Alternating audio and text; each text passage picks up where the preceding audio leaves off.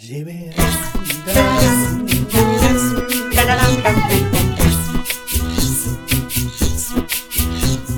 I veckans avsnitt kommer vi dels blicka upp mot skyarna och förvänta oss det värsta när vi ska prata om rymdinvasioner.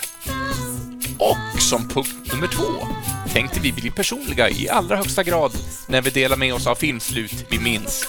Twister, besvikelser och lyckliga känslor blandat om vartannat.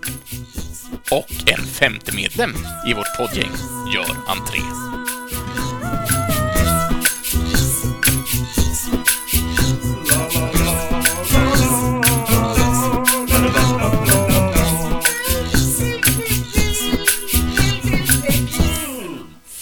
Fenomenalt välkomna till veckans avsnitt av Avbockat. Det här är podcasten där vi bockar av en gedigen lista av populärkulturella ämnen och ni som lyssnar har största möjlighet att bidra med era önskemål av ämnen eller att bara komma med synpunkter om de ämnen som valts ut för avsnittet. Och vad behövs då om man ska prata om populärkultur? Jo, tre eminenta vänner och fellow nerds. Jag säger hej till Linköping och Johan Moe Mostedt. Hej, allas favorit! Oj, vad härligt! Vi har haft en omröstning. Ja. Nej, jag, jag skulle inte bli förvånad om du är högst i topp där, Moe. Du har, du har fått fina kommentarer av mina vänner som har lyssnat i alla fall. Åh, vad Han härligt har så att härlig höra. röst och så vidare. Ja, vad gött. Mår du bra, Moe? Ja, nu mår jag bra. Nu mår du bra i alla fall. Superhärligt. Sen så säger vi hej till Lund, till Niklas K Jönsson. Hej, och jag är gruppens Ringo, så jag är ingens favorit. Jo, det du visste. Du är Marge Simpsons favorit. Ja, just det. Och det räcker länge. Ja, hur står det till i Lund, herr Jönsson? Hur mår han? Är det bra? Det är så bra, det är så bra det bara kan vara. Det är inte klokt. Ja, det är så bra. Ja, Och så ska vi till Alingsås och säga hej till Henrik Joneskär. Hallå eller? Hallå, hur är läget? Nej men du, här blev är det det gött. Göteborgs... Nej, men det är inte så långt Ja, ifrån nej. i och för sig. Nej, det är väldigt nära. Eh, nej men eh, det är bra. Idag är det lite molnigt faktiskt. Solen brukar ju lysa i Alingsås, eh, Ja. men den gör inte det just nu. Ja, även solen har sina fläckar, eller? Och, och den fläcken är jag. Det var inte dit jag ville komma. Var... Så, och jag som, som pratar här, jag heter då Jens Söderhäll och jag befinner mig i Vimmerby jag, så att vi är utdelade över landet. Ja. Men eh, nu gör vi detta tillsammans. Och avbockat som sagt var, det är en massa olika ämnen ska vi prata om. Och det vi ska dyka ner i lite speciellt idag är ett ganska omfattande ämne. Vi får se hur mycket tid det tar, men vi ska prata om rymdinvasioner. Både mycket på film, men även i andra medier och så. Och sen så ska vi också bli lite personliga eh, mot slutet, för då ska vi prata om filmslut vi minns. Och där är det väl lite så att vi ska göra en spoilervarning när vi kommer dit också, eftersom det är precis eh, utifall man inte har sett någonting om det vi ska prata om. Men första Men- ämnet ska vi, ska vi inte vara så spoiliga på. Men det kanske kommer någon spoiler ändå. Eh, Eller Ja, det kan- kanske inte. Eller, jag vet inte. Ja, det är bra att vi nämner det redan nu, så har vi lite ryggen fri. Exakt. Men eh, mina vänner, då tycker jag att vi tar ett litet, eh, eller vi tar ett rejält djupt andetag och så dyker vi ner i rymdinvasionens historia.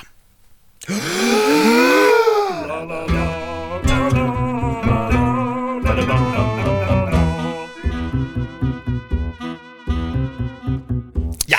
Ja, runda flygande tefat eller i, jordens gömd, eller i jorden gömda tripoder så har människan ofta i populärkulturen fått möta sitt öde i illasinnade utomjordiska besök. Och vi ska prata om just rymdinvasionens historia idag.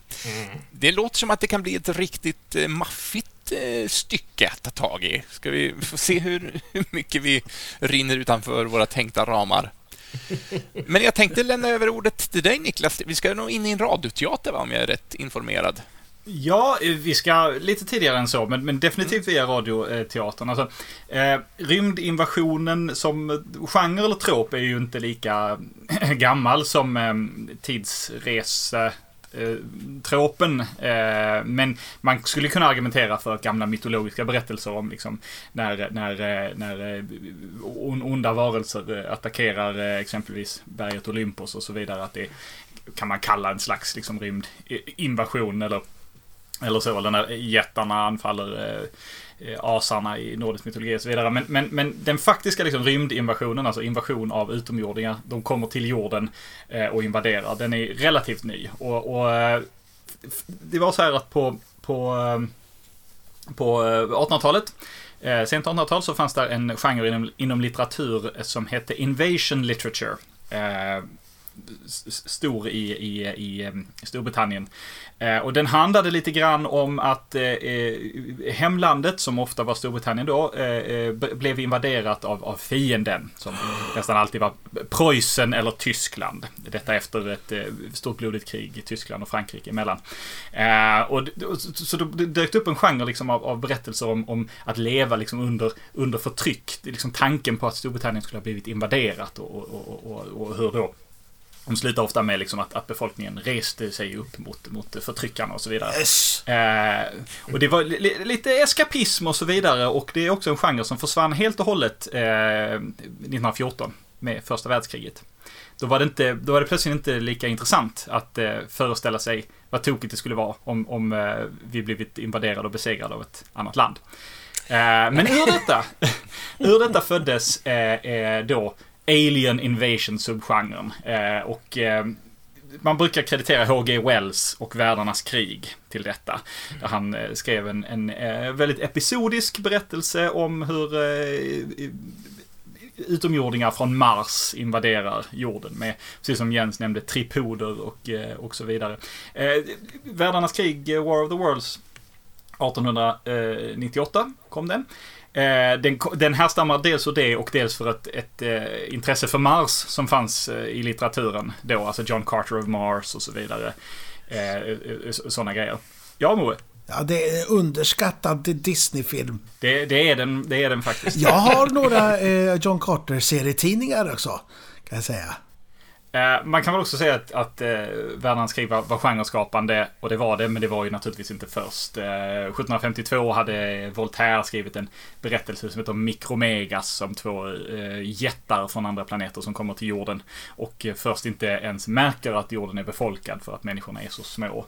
Eh, och faktiskt, bara några år innan världens krig så kom den, eh, den eh, idag bortglömda boken The Germ Growers från en australiensisk författare som handlar om två utomjordingar som, som har förklätt sig till människor och bor på jorden för att utveckla ett virus för att utrota mänskligheten för att senare, senare tas, ta över jorden. Den har liksom glömts bort, så den, den fick liksom inget genomslag.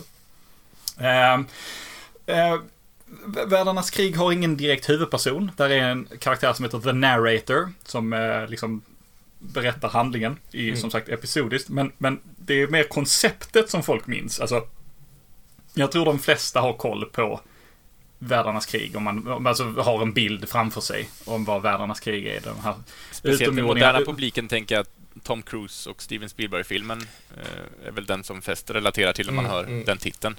Jo men exakt. Eh, intressant är att samma år som Världarnas krig kom så kom en eh, bok som hette Fighters from Mars. Som var Världarnas krig. Som någon hade eh, tagit texten och så skrivit om lite grann. Och släppte den som sin egen bok.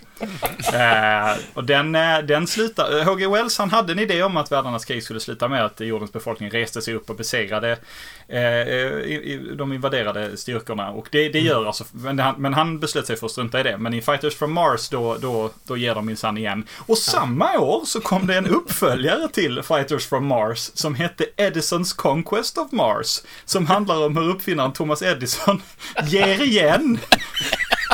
Ja, det gör han fan rätt i. åker, till, åker, åker till Mars och ger igen. Jag tycker det är väldigt härligt. Kasta glödlampor på dem och sånt. Men nu, nu när jag... Upplysande. Nu när jag pratar om, om, om H.G. Wells ska jag bara snabbt komma in med en rättelse från min nördkompis Fredde som i vårt avsnitt om tidsresor så sa jag att man inte kan åka bakåt i tiden med tidsmaskinen i, i H.G. Wells uh, The Time Machine. Men det kan man i boken. Jag tänkte på filmen ah. Guy Pearce, men i boken kan man det. Så tack för det, Fredde. Ja. Jag, jag, måste, jag ska inflika här också att jag i mina yngre dagar alltid blandade ihop H.G. Wells, Orson Welles och, ja. Eh, och vad heter han eh, eh, som, som skrev 1984? Ja, George Orwell. George ja Orwell. exakt. De namnen eh, trillade ihop. Och det gjorde ju inte saker lättare i och med att H.G. Wells eh, filmatiserades, eller eh, blev uppläst då på, i radioversion av, av Orson. Ja, och den, den radiopjäsen som Orson Welles gjorde, där, dels förlade han handlingen i USA istället för i Storbritannien. De, de, när, när Världarnas krig görs så placeras liksom alltid handlingen i, i hemlandet på något vis. Ja, Eh, o- Oftast liksom. Den är, den är liksom ganska, den går att anpassa till, till var den, var författaren vill att den ska vara. Så Spielberg mm. förlade den ju i, i eh, Amerikat. Exempelvis också. Men det finns ju en legend om eh, Orson Welles radiodrama. Ja. För han gjorde ju den i form av en, en, en, en, en newscast, en nyhetsuppläsning. Och, eh, eftersom det inte finns någon huvudperson så då kan man göra det liksom. Och nu har, nu har marsianerna invaderat här och här och så vidare. Eh, och det sägs ju att den ledde till fullständiga upplopp när Ja. eh, amerikanare slog på radion och hörde liksom Martians have attacked New York City och så vidare och så vidare. Eh, och eh, det, det är ju en kul legend. Men det var inte så. Ja, jättetråkigt. inte det här. Vad synd. Jättetråkigt Förstör inte det här för mig Det, nu.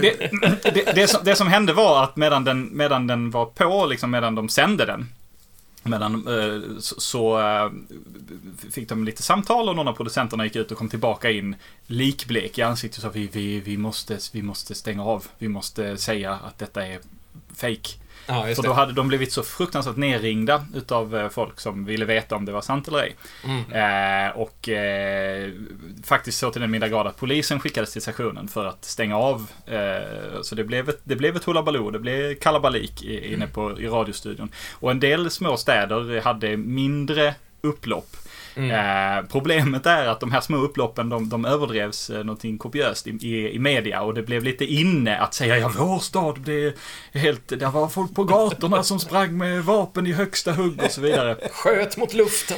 Det som, ja men precis, och det, jag säger inte att det inte hände, men det hände inte i den utsträckningen som folk säger. För det de allra flesta människorna gjorde när de hörde det här, var att de Mm. bytte kanal för att se om det var på nästa kanal. Och Just på det. nästa kanal så var det ingen rymdinvasion, så då Nej. utgick de från att det var en radiopjäs.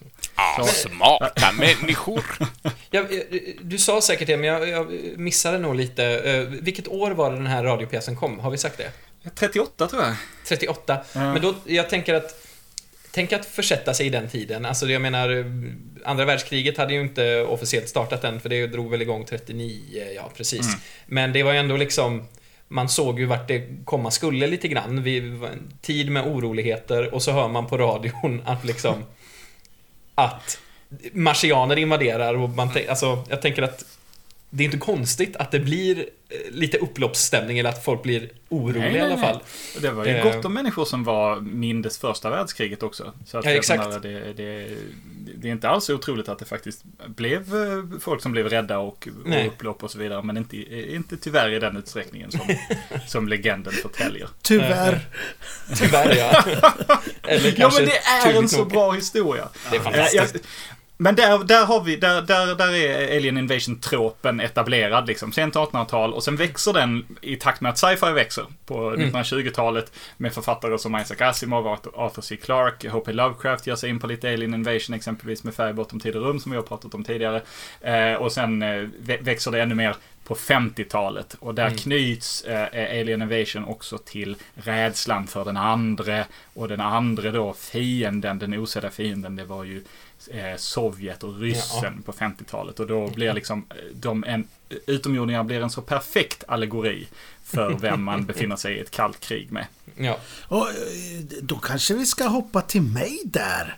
För att Ja. jag har faktiskt eh, en av de mest eh, kommi eh, på det hela. Det är ju eh, Invasion of the Body Snatchers. Ja, då. Och den har ju filmats i en mängd olika utgåvor också. Ja, Eh, fyra något stycken. specifikt? Ja, Fy- så f- pass. minst fyra gånger.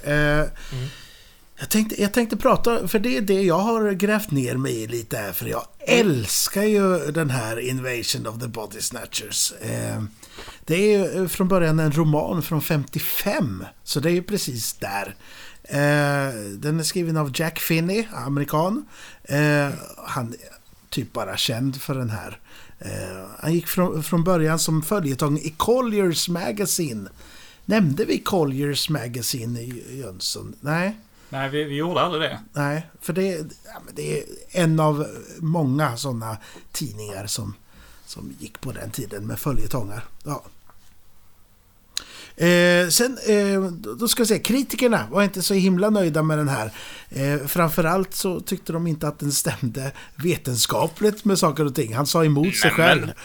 Men, vad är det de säger? Ja, men, men, men ändå sådär, när väl storyn kom igång så köpte de det hela. Och det är en story som på sätt, på sätt och vis är så, bra, på, så pass bra så att den har använts så många gånger. Så att det, den har ju någonting verkligen.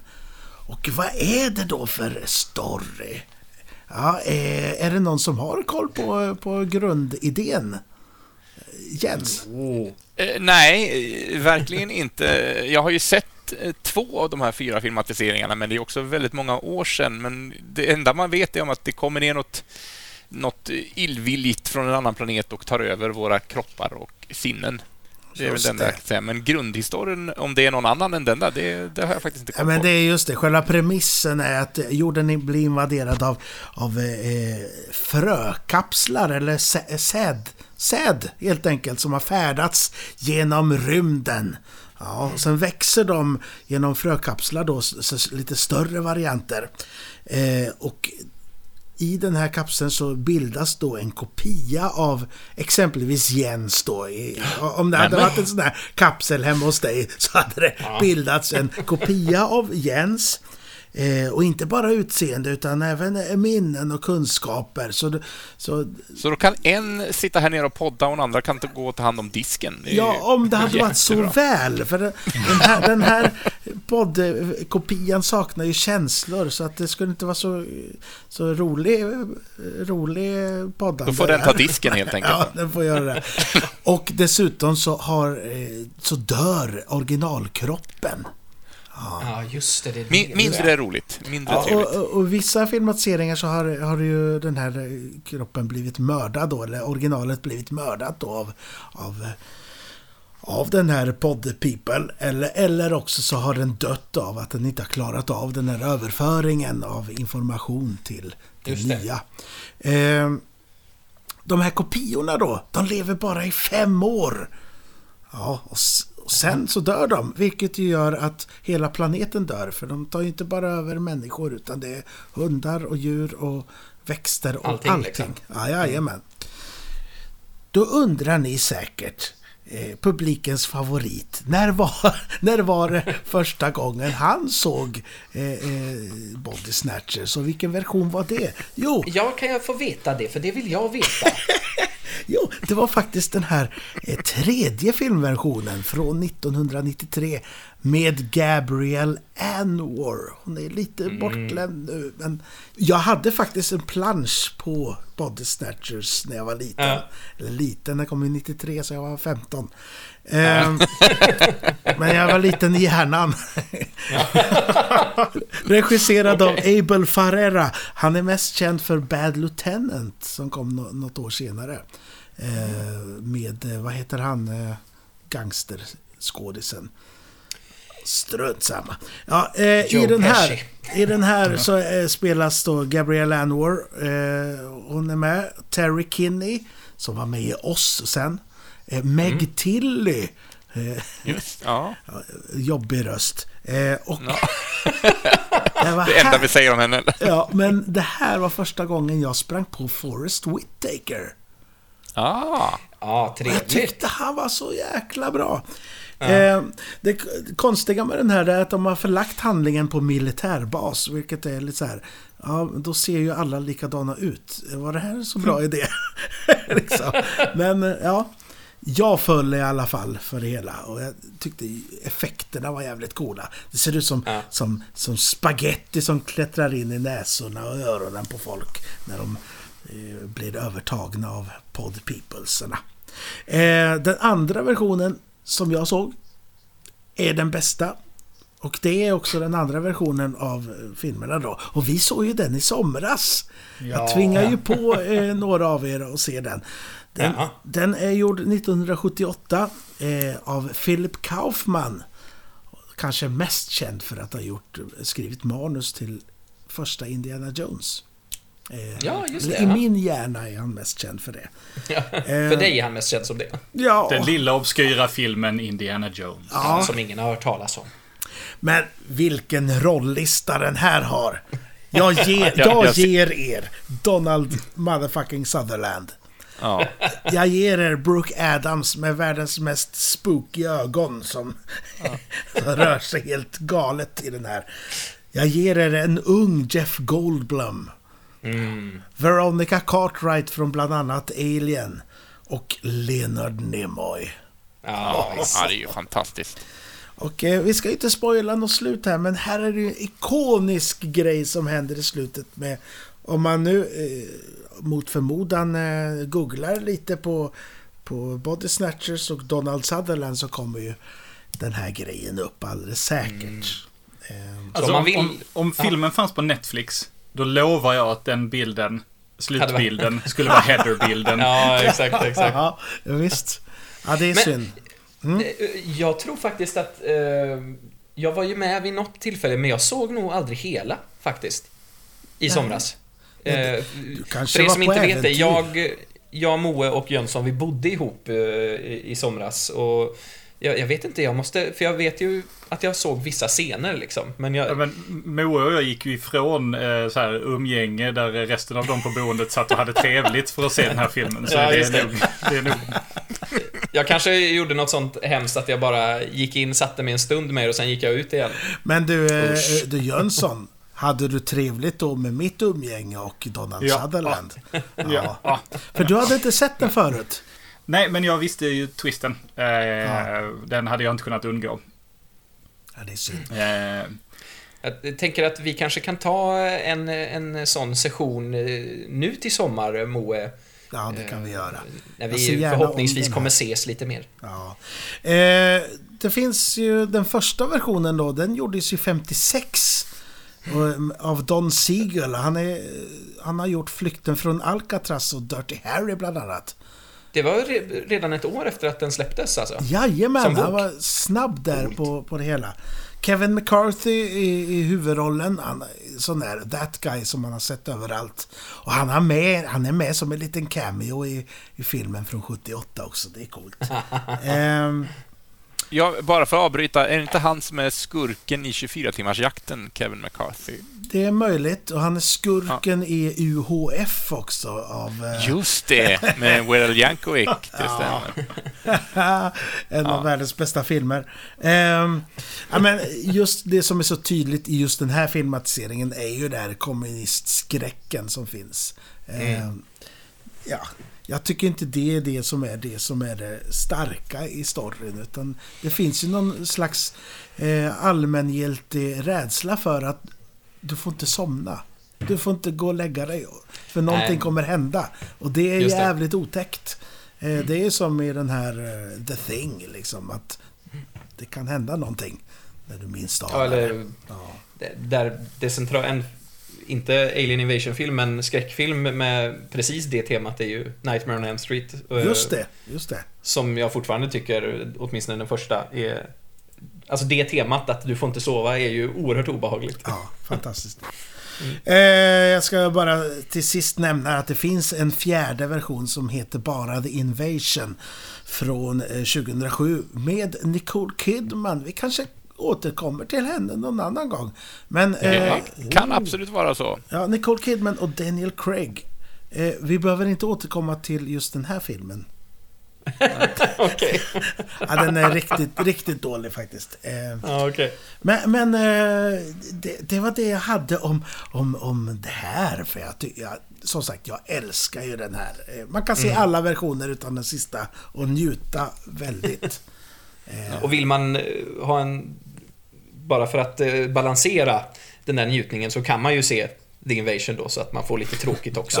Ja. Och börja med den så att det bara går uppåt sen. Just kan det. Och jag, jag kan faktiskt rekommendera boken också för att när jag var som mest inne i Body Snatchers då fick jag tag på den här i någon Ja. antikvariat. Så jag har den hemma här någonstans om man vill låna. den Kan kanske... man hitta dig på det där fiket? Ja, Är det en allmän utlåningskriterium eller gäller det bara oss i podden? Eller jag vågar säga allmän för jag tror inte någon kommer nappa. Okej. Eh, jag slänger in ett litet eh, lyssnarbrev här bara eftersom vi har varit inne på både Världarnas krig och nu Body Snatchers. Då... Ja, du läste mina tankar Henrik, precis vad jag skulle fråga om. Ja, förlåt, jag gick... Nej, det är ingen fara, det kör på. Nej, men Lisa Schröder eh, skriver om Alien Invasion att hon är sjukt förtjust i Tompans film, alltså Tompan Cruise helt enkelt. Eh, Världarnas krig. Eh, och då skriver hon att jag gillar att de orkar ge honom en personal growth storyline. Eh, och i samma andetag, så, eller samma andetag, men hon skriver också i samma lilla lyssnarbrev att annars är väl Donald Sutherland en riktig, eh, riktigt filmisk höjdpunkt i Body Snatchers från 78 med Bonus Nimoy. Oh. Så hon är på precis samma spår som vi har varit inne på i det här men, avsnittet. Men, Nimoy är bra i den, men jag vet inte om han klår Jeff Goldblum faktiskt. Om, Nej, men Jeff Goldblum är svår att klå generellt. Om, om man alltså. tycker om Jeff Goldblum i all sin Jeff Goldblumighet. i, i, I kanske Flugan och... Eh, vad heter den där dinosauriefilmen som alla gillar? Eh, Jurassic Park? är den med? Jurassic Park. That's, that's, that's chaos. Ja, ja exakt. Då, då, har man ursprunget eh, liksom, ja. i Body Snatchers. Han är fin som och får jag, får jag också nämna en en, Space Invasion-film som eh, är lite mer av det mer humoristiska slaget när vi ändå pratar Jeff Goldblum. Earth Girls Are Easy, eller Närkontakt av värsta graden som den fick heta i Sverige. Också med en ung Jeff Goldblum i en av huvudrollerna och en eh, väldigt ung Jim Carrey i i, ja, eh, just det. De kommer som tre mycket lurviga varelser och så rakar de av allt hår och då inser de att det är tre mycket vältränade och eh, coola snubbar bakom de här som då ska lära sig hur det är att leva på jorden. Ja. Kanske ingen invasion i den bemärkelsen, men ändå besökare från en annan planet. Ja, precis. Så, eh, om jag också får... Jag, satt och, jag kom att tänka på spontant en film här från 1959. Mm. Eh, regisserad av en Virgil V. Vogel. Eh, som i eh, original heter Invasion of the Animal People men på svenska fick den heta Rymdinvasion i Lappland. För det, en, för det är en amerikansk film som är inspelad i Sverige. Ah. Och innehåller även några svenska skådisar. Åke Grönberg, bland annat. Sten Gester, Bengt Blomgren. Eh, Britta Borg är med, ser jag här. Eh, okrediterad. Gösta Pruselius är med. Oh. Agera! Ja. eh, men huvudrollsinnehavarna är Barbara Wilson och Robert Burton. Jag har så länge, är... länge velat se den här. Jag har inte lyckats få tag på den här. Eh, så om någon vill Vem byta vet, min kanske... Eh, Body Snatchers bok mot den här så går jag med på det. ja.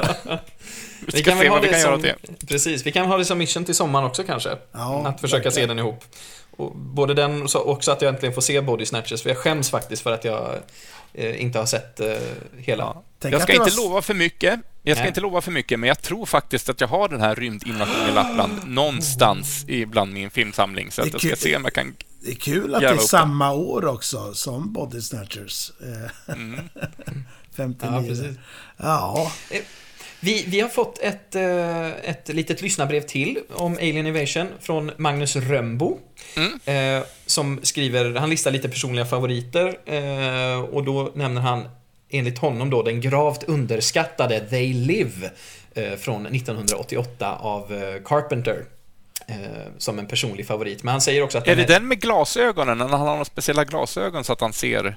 Ja, Moe ger tummarna upp där. Ja. Och tuggummi. Men han har, slut, han har slut på tuggummi. Ja. Eh, sen lyfter han också eh, två lite nyare filmer. Eh, och då lyfter han District 9 och Attack of the Block. Nej, Attack the Block. Ja. Som också favoriter. Som båda, enligt honom, District... förnyar genren. Ja, John District Boyega. 9 är ju suverän. Neil mm. Blumenkamp, va? Heter han som gjorde District 9.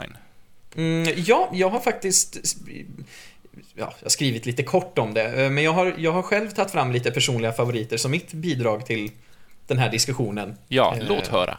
Ja, men då kan vi börja med District 9 och, och det är ju inte en klassisk eh, Alien Invasion-film på det sättet, för det är ju inte så mycket en invasion, eh, om jag minns det hela rätt, snarare än att rymdvarelser, eller prawns som de kallas för att de liknar räkor eller skaldjur tydligen då. De har eh, kommit till jorden och har strandats där. Eh, Och nu lever de i getton och är ju extremt eh, segregerade helt enkelt. Och den är, ja precis, Neil eh, Blomkamp är den eh, regisserad av. Ehm, Det var ganska länge sedan jag såg den, men jag minns den med väldigt mycket värme. Den är, jag tyckte den var jättebra när jag såg den. Eh, Men jag har som sagt inte sett om den på ett tag. Moa? Ja. Ja, eh, får jag klämma in min första gång jag såg den? För jag tyckte det var så kul grej där. Eh, jag såg den som eh, förhandsvisning på bio. Jag fick så här gratisbiljett och jag har ingen aning om vad det skulle vara för något. Och sätter mig och bakom mig så sitter det två tonårstjejer. Och Ja. den börjar ju, eh, den börjar ju på ett väldigt, ja men det är skakig kamera på ett verkligt sätt. Och, och de skrattade åt skådespelarprestationerna och tyckte det var så löjligt allting. Det var så Ja. töntig film. Så mesig. Och sen så blir det lite body horror där. Han tappar ju naglar och... Och jag har aldrig varit med om två bubbliga eh, personer bli så tysta så fort. Nej. Alltså, och sen så bör, börjar ju skrikandet där när den blev otäck. Alltså. Eh, Ja, Men det ja, var, det. ja, vilken, uppleve, vilken bioupplevelse det var. Ja. Att få se Vilken den resa. med dem. Ja, Ja, och vilken resa de fick då. ja, Ja, verkligen. precis. Jag bara, håll käften på dig. In Ah. your face! Ja, det var Ja, exakt. underbart. Så jag kommer ihåg det nästan starkare än själva filmen. Men jag älskade ju filmen när den kom. Ja. Den är ju skitbra. men den tar ju många eh, härliga vändningar som man kanske inte riktigt hade tänkt sig från början liksom. Ehm, jag minns den också som... Ja, jag älskar den också. Men eh, en annan personlig favorit, om jag får eh, fortsätta på, på temat. Eh, det är ju för mig Mars Attacks av Tim Burton. Exakt, jag älskar det! Eh, Den är ju regisserad av, av Tim Burton, skriven av eh, Jonathan Gems eh, och släpptes 96. Och det hade jag ingen aning om, men det tog jag reda på nu att den bygger ju tydligen på gamla samlarkort med samma namn från 1962. Ehm, Så det kan man ju bygga en story kring. Eh, och Kan man bra. bygga stora Disney-spektakel på en karusell så kan man väl göra detta. Exakt. Exakt, det Och, är väldigt, och, väldigt och sant. de här korten gjordes parodi på, på de här Garbage Pail Kids. Jag hade några Ja, som de tog det. direkt därifrån. och Som gjorde. också Ja. blev film på 80-talet, ska jag tillägga. Just det, just det. Ja. Nej, men, men, men den handlar ju då om eh, Eh, att, ja, det- vi kastas ju ganska direkt in i handlingen där. Jorden får besök av varelser från planeten Mars. Eh, och de utannonserar ju till världen när de anländer att, eh, att de har fredliga avsikter. We come in peace. Men nästa sekund så börjar de skjuta ihjäl varenda människa som de ser som har samlats för att ta emot dem. Och ja, det är en så jäkla härlig film. Det är en jättestor ensemble med fantastiska skådespelare. Det är, vi har Jack Nicholson, Michael J. Fox, Sarah Jessica Parker, Natalie Portman som väldigt ung, eh, Jack Black, Glenn Close, ja, Danny DeVito, Pierce Vad gör Jack Black? Han har jag missat. Han är eh, en ung eh, man som tar värvning i armén. Just Eh, ja, nu, ja, nu tändes Så den han inte den ihåg. manliga Precis. huvudrollen. Ja. Ja, exakt. Och, och trots att det är en jättestor ensemble så är det mycket dubbelroller ändå. Ja, Mest Ja. för att de har roligt liksom. precis. Ja, men Jack Nicholson har ju till exempel en, en dubbelroll. Vilket är väldigt Han har härligt. väl också sagt i någon intervju att det är det roligaste filmprojekt han har varit inblandad i också. Ja, jag tror det. Jag, jag har för mig att han har sagt någonting sånt. Ja, det skulle inte förvåna mig. Eh, något som var lite roligt var att eh, innan den här filmen, Mars Attacks, så hade Tim Burton gjort eh, filmen Ed Wood. Eh, som ju Just handlar ja. om floppregissören Ed Wood. Eh, Ja. Han gjorde ju ett gäng sci-fi slash, slash vampyrfilmer under 50-talet var det väl. Plan 9 from Outer Space, världens bästa sämsta film. exakt, exakt. Extremt bra double feature att se dem efter varandra faktiskt. Ja, Edward ja. och eh, Plan 9. Ja, men det Mycket kan jag roligt. verkligen tänka mig. Eh, Men eh, han tyckte då, för han fick ju den här pitchen, manuspitchen eh, av Jonathan Gems och eh, tyckte att det liksom eh, var ytterligare ett bra sätt att fortsätta hedra eh, Ed Wood på att göra den här typen av film. Liksom. Eh, och den mottogs ju med ganska blandad kritik när den kom, men har fått ganska stort kultfölje faktiskt på senare år. Eh, återigen, det här är också en sån film som det var ganska länge sedan jag såg den nu, men eh, så jag vet inte riktigt om den fortfarande håller så bra eller ej, men eh, I mitt minne håller den. Exakt. Det är där jag, där jag håller fast. Ja. Alltså, och den här designen på de här rymdvarelserna, eller på marsianerna, tycker jag också är så underbar. Det är de här dödskalleliknande ansiktena med jättestora ögon och, och, Och hjärnan. enorm- och hjärnan, ja. Ett enormt huvud som är, ja, är en hjärna liksom. Ja. Och precis som... Exakt, det de kommunicerar. Det är också... Så- Det är fruktansvärt jobbigt att lyssna på, men jag tycker det är så roligt. Älskar hur det låter när de, när de dör, att de poppar så här. Ja. Ja, precis. Och vad är det för låt? Det är någon countrylåt va, som de inte tål? You know, jod, jod, country joddling dessutom. Ja. Ja, det är väl, är det inte den här... eh, jag är, jag är ren och jag har mina ren. Nej, jag är lapp och jag har mina ren. Är inte den? Jokkmokks-Jocke. Ja, men jag tror det är den. Som även Men är något med i uh, Cars... Uh, Trains, Cars and Automobiles, eller vad heter den? Ja, just det. Planes, Trains and Plane Automobiles. Trains. and- Ja. Men, Men jag, eh, tänk, jag förlåt. tänkte, får jag bara flika in med Jack Nicholson där. Eh, han, han, han blev ju tillfrågad, nu tar jag det här, nu skjuter jag från Mm. höften, Mm. eh, men jag minns det så här att han hade blivit, han berättade i intervju att han hade blivit tillfrågad av Tim Burton om han ville vara med Mm. och då hade han sagt absolut. Och då hade Tim Burton frågat vilken roll vill du göra? Och då hade han sagt allihop. Ja, exakt. exakt. Och jag, och jag tänker på den scenen när, när hans presidentroll där skakar hand med ledaren för och handen lossnar och det visar sig vara en robotarm Mm. som kryper upp och spetsar honom.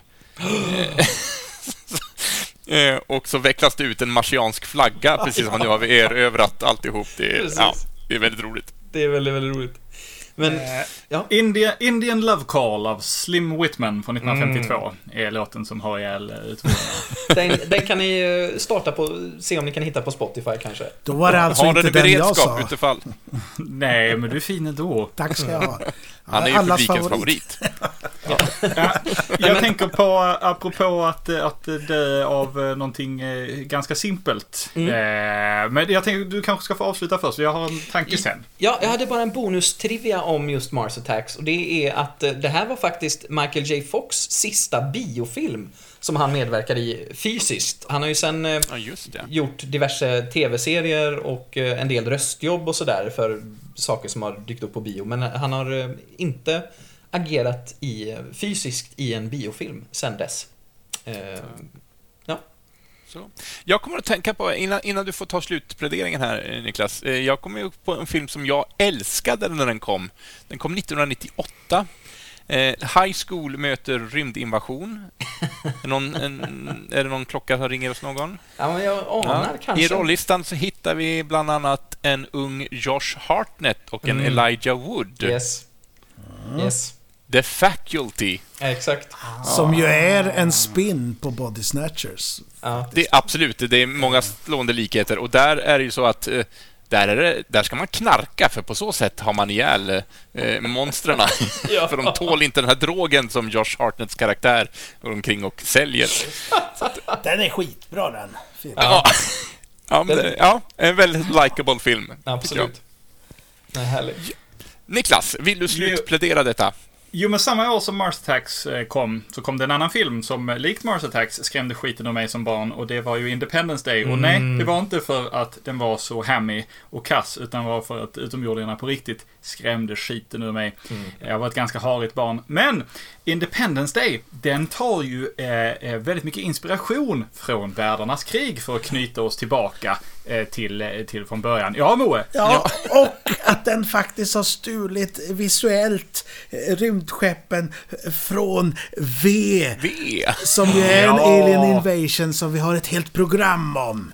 Eh, Och jag har ju med både Independence Day och V på min lista. Men Ja. jag säger inte så mycket om det, för som sagt, V har vi pratat om.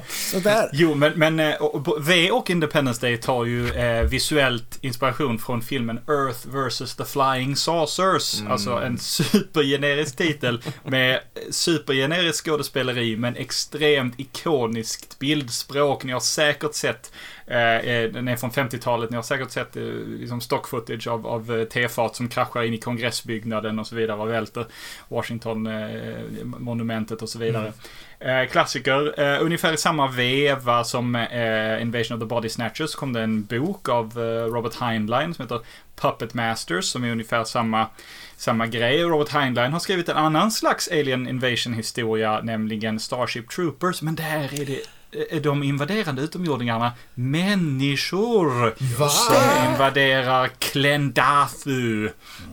Som eh, planeten heter åtminstone i filmen. Jag har aldrig läst mm. boken för den är tydligen ganska trökig. Men filmen, äh, det är väl Verhoeven va? Ja, det är, den är en, ganska är rolig.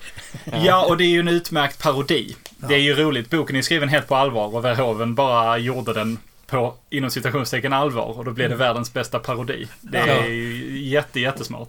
Ja, äh, sen, äh, sen, jo, äh, nu tar vi det. Det här kommer ju vara en liten övergång till, till äh, slut vi minns. Så här har vi lite spoilervarning. Men det som faktiskt till slut har ihjäl utomjordingarna i världarnas krig är ju inte att människorna reser sig upp och så vidare. Utan det De är ju de nyser ja, det är ett virus. Mm. Det är förkylningsviruset som har ihjäl utomjordingarna. För de hade så bra teknologi och så vidare, men de hade ingen aning om att det fanns bakterier här eh, på jorden. Kanske, och det är det.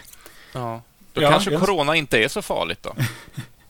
Nej, absolut. Absolut. Det är vårt men... sätt att försvara oss mot kommande invasioner. Precis. Men eh, faktiskt så, så, ställde ju Roland Emmerich den frågan när han gjorde Independence Day. Därför att vad är det som har ihjäl utomjordingarna i Independence Day? Jo, det är ett datorvirus. Just det. Mm. Just. Vad Skapad utav Jeff Goldblum. Mm. Oh. Bra att han kunde programmera på eh, alien, uh, alien dataspråk. Det är superbra. Ja. Visste ni att när presidenten håller sitt tal i uh, Independence Day, This is our Independence Day, Bill mm. Pullman, så ställde sig folk upp i biograferna i USA och applåderade. Åh, oh, vad härligt patriotiskt. Ja, patriotiskt och fint. alltså jag... Idiotiskt. Nej. Nej. Patriotiskt. sak, sak samma. Just det. Nej, men jag, jag älskar ju uh, Independence Day. Jag har inte sett den på många år. Jag vet att den uh, inte är en höjdare och jag vet att den är superamerikansk uh, när det kommer till just det här patriotiska. Men den är maffig och actionbetonad. Och, och det var första gången, bara spårar ur här nu känner men det var första gången jag upplevde surround-ljud på bio. Mm. I en scen när de ställer upp en Coca-Cola-burk på skeppet och så skjuter de på den och så hör man rikoschetten. Just det. Eh, första gången, jag, jag, blev, jag var helt tagen. Det var första gången jag upplevde surround-ljud. Ja, jag tyckte cool. det var sjukt coolt. Ja. Så. Ja, förlåt äh, Niklas, vi bara bryter av dig. Det... Nej, men det är absolut ingen fara. Jag tänkte bara säga det, om man vill, eh, om man vill liksom veta lite mer om just Independence Day kontra eh, Spielbergs eh, War of the Worlds, så finns där en, en jättebra videoessä utav en kvinna som heter Lindsay Ellis, där hon pratar om de här två Alien Invasion-filmerna i ett före 9-11 perspektiv och ett efter 9-11 perspektiv. Mycket mm. om uh, hur bildspråket förändras och mycket om hur roligt det är att se Vita huset sprängas i luften i Independence Day och mindre roligt efter 9-11. Mm. Väl, väl värd, även om det är ett deppigt ämne, väl värd att se. Ja, Henrik, vad vill du tillägga? Jag, jag kom på att det här borde jag ha sagt i början på avsnittet egentligen, men eh, varför ska man göra saker som man borde göra det? Ja. Jag har två, två små kommentarer till mig själv från ja. vårt förra avsnitt när vi pratade om Buffy och vampyrerna. Buffy! Eh, det hade jag antecknat här, men glömt bort. Eh, jag uttrycker i det förra avsnittet att karaktären Dan är en tråkig sådan. Mm. Eh, och det tyckte jag var så deppigt sagt av mig, så negativt. Och jag vill bara säga till alla eh, våra kära lyssnare att Michelle Trachtenberg som spelar Dan, hon är toppenbra. det vill jag bara ha sagt. Sen ja, vill jag också klargöra, för Moe frågade vilka karaktärer är vi från Buffy? Mm. Och så sa jag att ja, jag vill ju vara Spike, men jag är väl Sander. Som att det vore något dåligt. Mm. Och det vill jag också bara ta avstånd ifrån, att det är inte alls dåligt att vara Sander. Jag älskar Sander. Ja, vad bra. Och är, är jättenöjd med att vara honom. Det är bra att du inte tar avstånd från dig själv då. Exakt. Ja, eh, och jag, när vi ändå håller på och bekänner saker, jag tror jag nämnde någonting om att Sandy Bell var en typisk flickserie och eh, naturligtvis eh, det var ju sådana värderingar man hade då. Jag vill bara säga att eh, vi, vi, kommer, vi kommer att uppleva många gånger i den här podden att vi pratar mer än vad hjärnan hinner eh, filtrera. Så att, ta det med en nypa salt. Jag Just hoppas det. att ni gör det. Exakt. Eh, Men, men, men eh, nu kanske det är någon där ute som undrar varför jag inte har nämnt min favoritfilm The Thing. Eh, och då menar jag ju på att The Thing är ju inte riktigt en invasionsfilm. För den utomjordingen i The Thing eh, och dess föregångare The Thing from Another World och dess eh, remake slash uppföljare slash inte särskilt bra film eh, eh, och, eh, och, och boken Who Goes There som den är baserad på. Den är ju på jorden av en slump. Den här utomjordingen. Den har ju kraschat på jorden. Och då menar jag på att det är inte är en invasion. Utan att det, det är mer en, en, en monster, monsterfilm. Just det. nu fick jag nämnt The Thing också. Mm. Eh, som är en väldigt bra film. ja, men vad har DuckTales med det här att göra? Ooh, eh, Bubba eh, Klubba är också Jo, men faktiskt. eh, eh, the, the, the Thing from Another World, alltså originalfilmen, eh, filmen, slutar med den väldigt ikoniska repliken Keep watching the skies. Eller. Watch the skies, rättare sagt. Watch Ja. the skies. Som en liksom, uppmaning eh, till eh, att dels akta sig för utomjordingar och naturligtvis också för kommunister. Eh, men, men, men vad heter det? Den repliken eh, eh, ko- kommer sen att ha ett litet eko i Simpsons-avsnittet där de eh, har gäst, gäst, gästskådespelas utav Arkivex, eh, David Duchovny och, och Gillian Anderson. Eh, för där är ju Leonard Nimoy med som berättare, nämligen i det avsnittet. Eh, och och, och han, han pallar bara vara med i halva avsnittet, sen rymmer han så att en stackars intern måste avsluta som berättare. Och han läser ju då fel och säger Keep watching the skis. Det var en långt, lång, lång resa för det skämtet. Men, eh, jag, men jag, jag, jag står för det. Det är bra. Det är jättebra. Ja, Fantastiskt. jag, jag blev klokare i varje fall. Det Ja, det är huvudsaken. Det var en huvudsakliga syfte med den här podden. Ja, men om ingen har något mer att tillägga om rymdinvasioner, då tänker jag väl att vi tar och tar ett djupt andetag och sen ska vi prata om ett ämne där vi ska bli lite mer personliga än vi har varit innan, nämligen filmslut vi minns. Och där har vi också en hel del lyssnarbrev om jag inte eh, missminner mig. Det stämmer bra. Så eh, är ni med mig så tar vi eh, och dyker in i det. Då.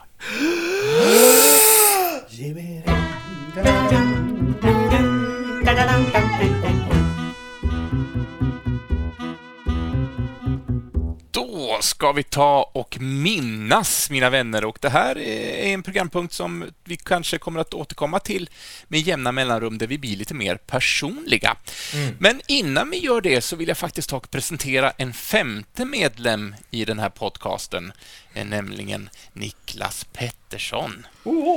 Ja, eh, en mycket god vän till oss eh, alla fyra och en, en härlig fellow nerd. Och han kommer att förhoppningsvis i många avsnitt framöver få en liten egen krönika. Så jag tänkte att vi ska ta och lyssna på den nu. Och han låter så här. Hej avbockat-gänget och hej alla lyssnare. Och hjärtligt välkomna till första upplagan av Streetnickes krönika. Det är då jag som är Street-Nicke Och jag är en gammal vän till hela podcasten. Och trots att han inte har funnits så länge så vågar jag nog också kalla mig en av dess trognaste lyssnare. Jag har fått den stora äran att ha ett eget återkommande segment där jag kommer med tankar om ett av veckans ämnen och kanske kommer med några frågor värda att diskutera. Och denna vecka tänkte jag ta mig an minnesvärda filmslut. Ett ganska subjektivt ämne där åsikterna kring vad som är ett minnesvärt slut kan skilja sig enormt. Framförallt då just minnesvärt inte nödvändigtvis betyder att man tycker att ett slut är bra. Några av de sämsta filmsluten jag vet är ju också minnesvärda på sitt eget sätt. Och jag ska här försöka tackla båda delarna. Men om jag ska börja med den bra delen så tror jag att de mest minnesvärda sluten för mig är de oväntade sluten. Och då menar jag inte nödvändigtvis twist-sluten som till exempel M. Night Shyamalan har gjort sig känd för. Även om de har en viss charm. Utan sluten som vågar att inte gå den konventionella vägen. Till exempel att undvika och de levde lyckliga i alla sina dagar. Utan hitta ett annat sätt att knyta ihop historien på. Ett av de bästa exemplen på detta, som jag älskar, är filmen La La Land. Och jag ska försöka att inte spoila filmen för er lyssnare som kanske har missat den. Men där lyckas de förmedla ett slut som inte direkt är olyckligt, men samtidigt inte alls är det där sagoslutet som man kanske hade förväntat sig att få. Och om jag ska gå till filmslut som inte har fallit mig i smaken, men ändå är minnesvärda, så är det nog oftast då jag gillar filmen väldigt mycket men tycker att slutet är något av en kraschlandning.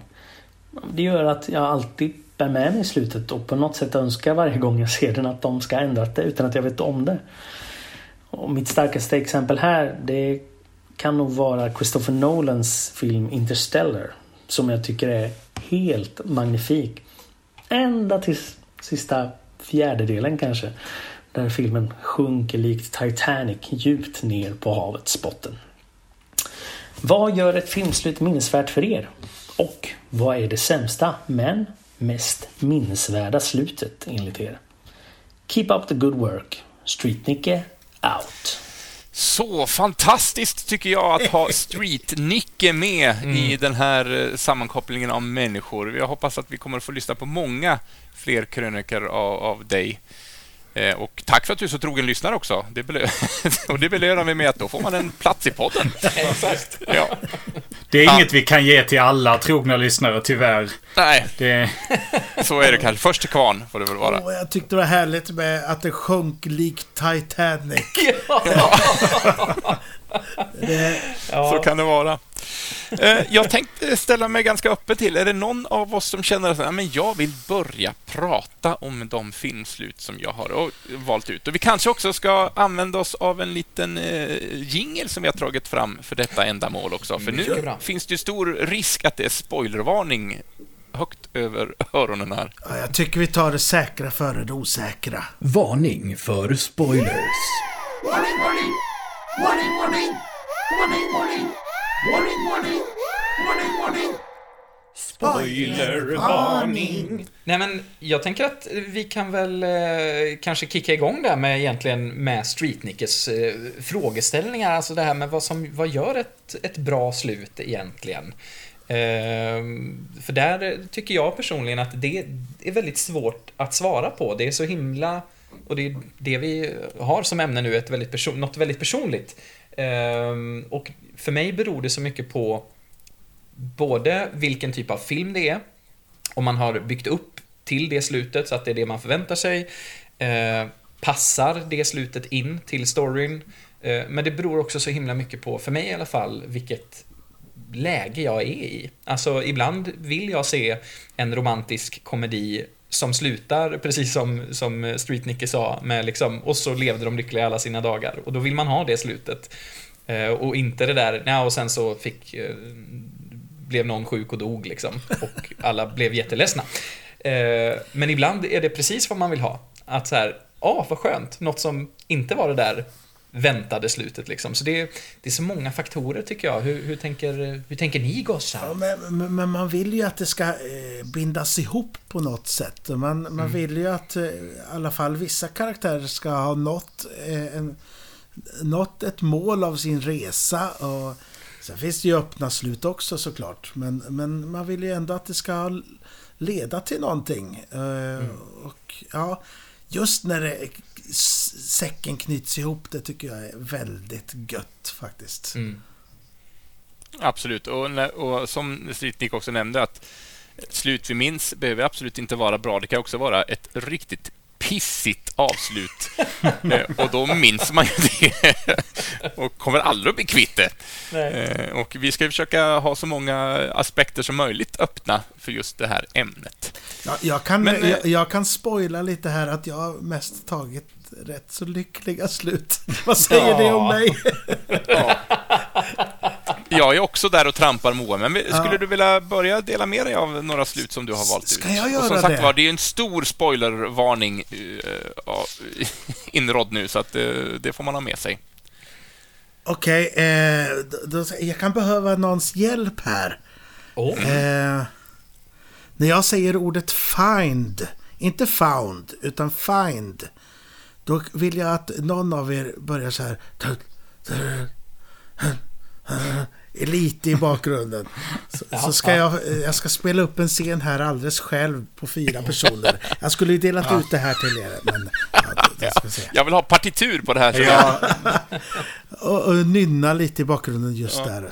Och nu börjar det så här. Ja. Elsa never really believed in the Grail. She thought she found a prize.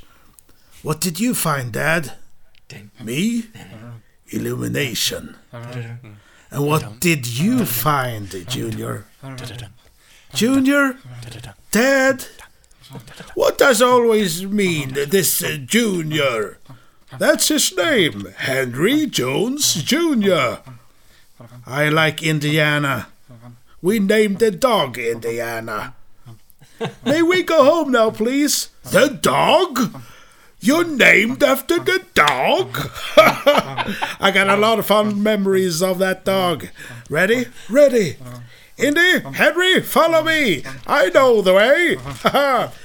got lost in his own museum, huh? Ah. After you, Junior. Yes, sir. Där ja.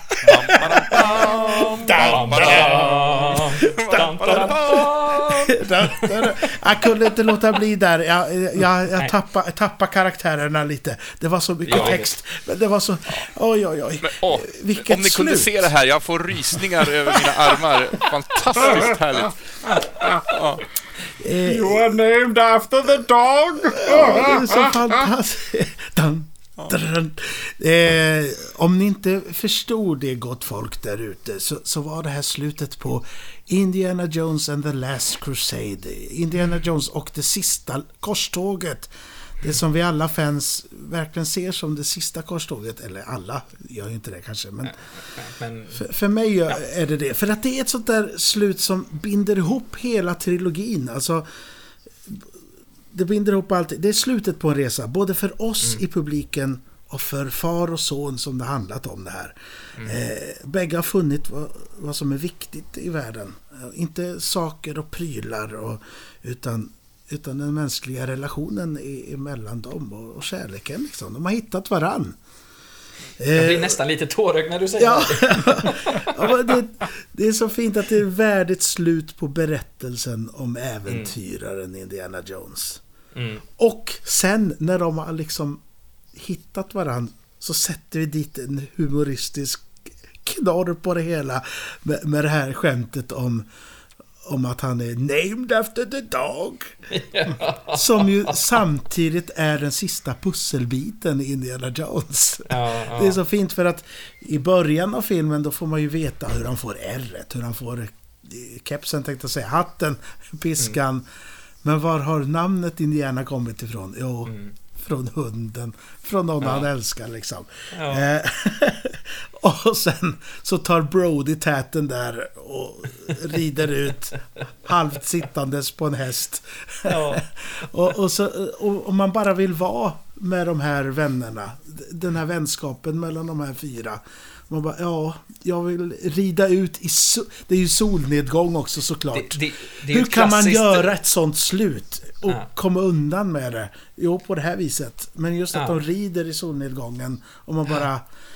Fy fan, vilket slut. Men det är ett klassiskt western-slut på något sätt. Ja. Liksom. Eh, Bara det att nu är det inte en ensam gunslinger som rider bort i solnedgången, utan det slutar dessutom på en väldigt hoppfull ton och han rider där, precis som du säger, med, med sin familj, som det ju Ja. är. Liksom. Ja, det, Bästa det är ett vännerna riktigt och, fint slut. och pappan liksom. Eh, ja, ja, men det, det, det är fint. Och jag var inne ett tag på om man skulle ta slutet på första filmen. Det är ju väldigt fräckt eh, hur skatten blir gömd återigen där.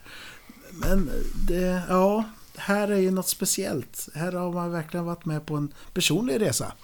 Eh, och det ty- ja, Och slutar ju på, på sätt och vis också ganska öppet, liksom ändå. Även Ja, om det, visst. precis som du säger, knyter ihop säcken på ett snyggt sätt, så är det ändå det här, det lämnar utrymme för fler äventyr om man så vill. Ja, Men som det- tur är, kanske så har det ju inte kommit någon mer Indiana Jones-film efter Indiana Jones 3.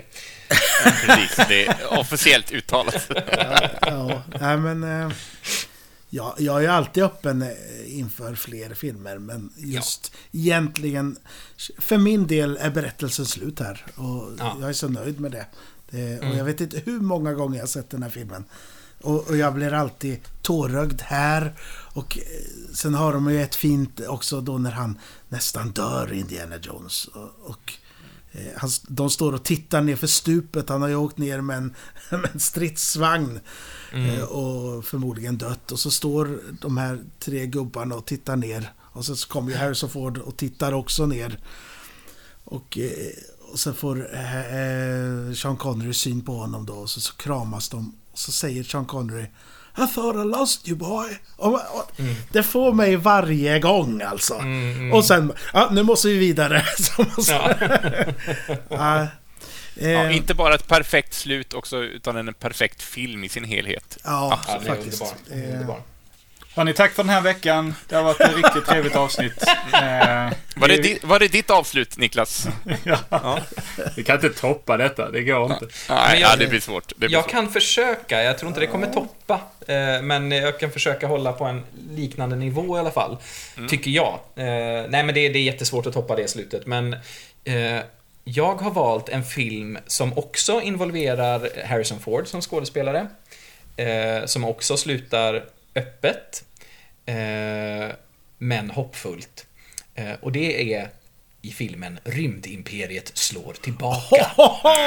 Eh, som av många, inklusive mig själv, eh, jag, eller jag tycker ju, det är min personliga favorit av, av Stjärnornas krig-filmerna. Eh, och filmen i sig kan man ju säga hur mycket som helst om, men det som är så häftigt med den är ju att de goda förlorar ju. Eh, I den. Eh, de åker på stryk redan i starten på filmen, de tvingas fly. Eh, man tror att Luke Skywalker kanske ska lyckas besegra Darth Vader på slutet, det gör han inte. Eh, han får stryk och får sin största chock i livet att den här massmördande tyrannen Darth Vader är, ja, herregud alla vet det, men det är hans pappa. Nej. Han Solo har blivit eh, tillfångatagen och nedfrusen i karbonit och skickas iväg till eh, Jabba the Hutt, eh, som vi bara hört talas om eh, genom de två första filmerna här då. Eh, och vi, ja, vi lämnas i det skulle kunna sluta i en ganska miserabel stämning, liksom att åh herregud, det, det har verkligen gått åt helvete. Men eh, med hjälp av eh, egentligen bara sista slutbilden och John Williams fantastiska musik även i den här filmen så eh, lämnas man ändå med den här hoppfulla känslan att jo men eh, de ska ge sig av, de ska hitta och frita Han Solo och sen ska kampen mot Imperiet fortsätta liksom. Eh, och jag tycker det är så jäkla fint i en, en film som på den tiden när den gjordes var ganska nyskapande skulle jag säga i just det där att jaha, i del två så åker de på stryk. Eh, det hade lika gärna kunnat varit en repeat av första filmen. Eh, på något sätt att ja, nu har vi det här nya bekymret och nu vann vi på slutet igen liksom. Men det gör de inte. Men att de ändå avslutar med det här hoppfulla. Luke och Leia står och håller om varandra. R2D2 och C3PO står bakom dem och de blickar ut i den tomma rymden mot ett Millennium Falcon som precis har farit iväg för att hitta Han Solo. Eh, det är jäkligt bra slut och eh, såklart eftersom det är en eh, del två i en trilogi så öppnar det ju för naturligtvis en fortsättning, eh, vilket ju vid det tillfället var ganska givet. Men jag tycker det är så underbart sätt att avsluta en ganska mörk film. Men Att exakt, det, där har vi ju det öppna slutet och... Ja. Givetvis har vi ju följt med på resan där och har bundit ihop rätt så mycket säckar på det sättet att det har kommit... Aha, det är därför Mm. saker och ting ligger till som de ligger till. Mm. Eh, ja, men det är ju inte glatt. Men det är väldigt bra. Mm. Eh, Ja, det är en sån personlig, personlig favorit. Ja, Men det är också för att jag älskar Star Wars. Ja, jaha, just det. Så var det, ja. Just det. Så. men, Eh, ja, Ja, vad vill du nej, säga, jag tänkte säga Jens, eh, jag vet inte. Många som eh, nappade på våran eh, endings här eh, trodde att det skulle vara mycket, eller vad heter det? Twist, Twist. ending. Ja, inte, har, har vi någon sån bland favoriterna vi här? Vet du det? eh, menar en sån som jag? Om Ja. jag har några såna? Ja, Ja, men alltså jag, jag har dels gjort en, eh, en 1 tu 3 eh, som inte eh, kommer att vara berömda för sina twist endings, som jag tänkte prata lite mer om. Men jag gjorde också två stycken bubblarlistor, varav en har en sån. Så jag tänkte bara nämna de tre filmerna rakt upp och ner. Och det är väl inga överraskningar egentligen. Men eh, vi har ju, Nicke har redan pratat om M. Night Shyamalan. Sjätte sinnet var ju definitivt en sån film. Jag hade lyckats eh, vara ovetande om slutet. Eh, Apornas planet från 68 är också en sån häftig avslutning liksom, Mm. som kommer som en twist. Eh, och en Stephen King-film, The Mist, har jag valt att lägga till här. Som slutar inte så trevligt, men verkligen med en, en... Kanske inte en regelrätt twist på det viset, men eh, ett helt o, ett oväntat slut i alla fall. Eh, Ett oväntat slut. Fre- det- Fredrik det- Lindbäck lyfter eh, också The Mist i eh, våra lyssnarbrev eh, som ett sånt chock, Ja. chockslut nästan. Ja, och- jag tycker att det är ett bra slut, ett väldigt bra slut och oväntat. Det är, det är lite kul också att det är ett slut som inte stämmer överens med det i boken. Men Stephen. Stephen King själv, han, han sa det när han läste manus att det där slutet hade jag velat kommit på. Ja, just det. Hur, hur slutar boken då, om jag får fråga det? jag kommer inte ihåg, den slutar eh, lyckligt liksom. Eller alltså att de Okej. klarar sig. Eh, om jag minns rätt.